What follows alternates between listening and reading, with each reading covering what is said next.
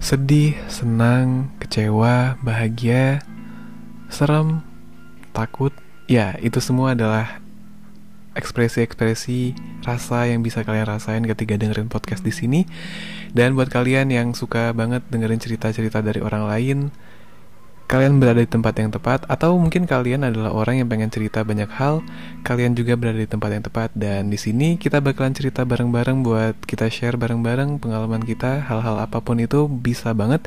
Buat yang mau bisa langsung aja email ke ruang kita 14 at gmail.com atau berbagai uh, sosial media lainnya dari kita. Langsung aja kirimin cerita kalian. Apa pun itu pasti kita bacain. Karena semua orang pasti butuh didengarkan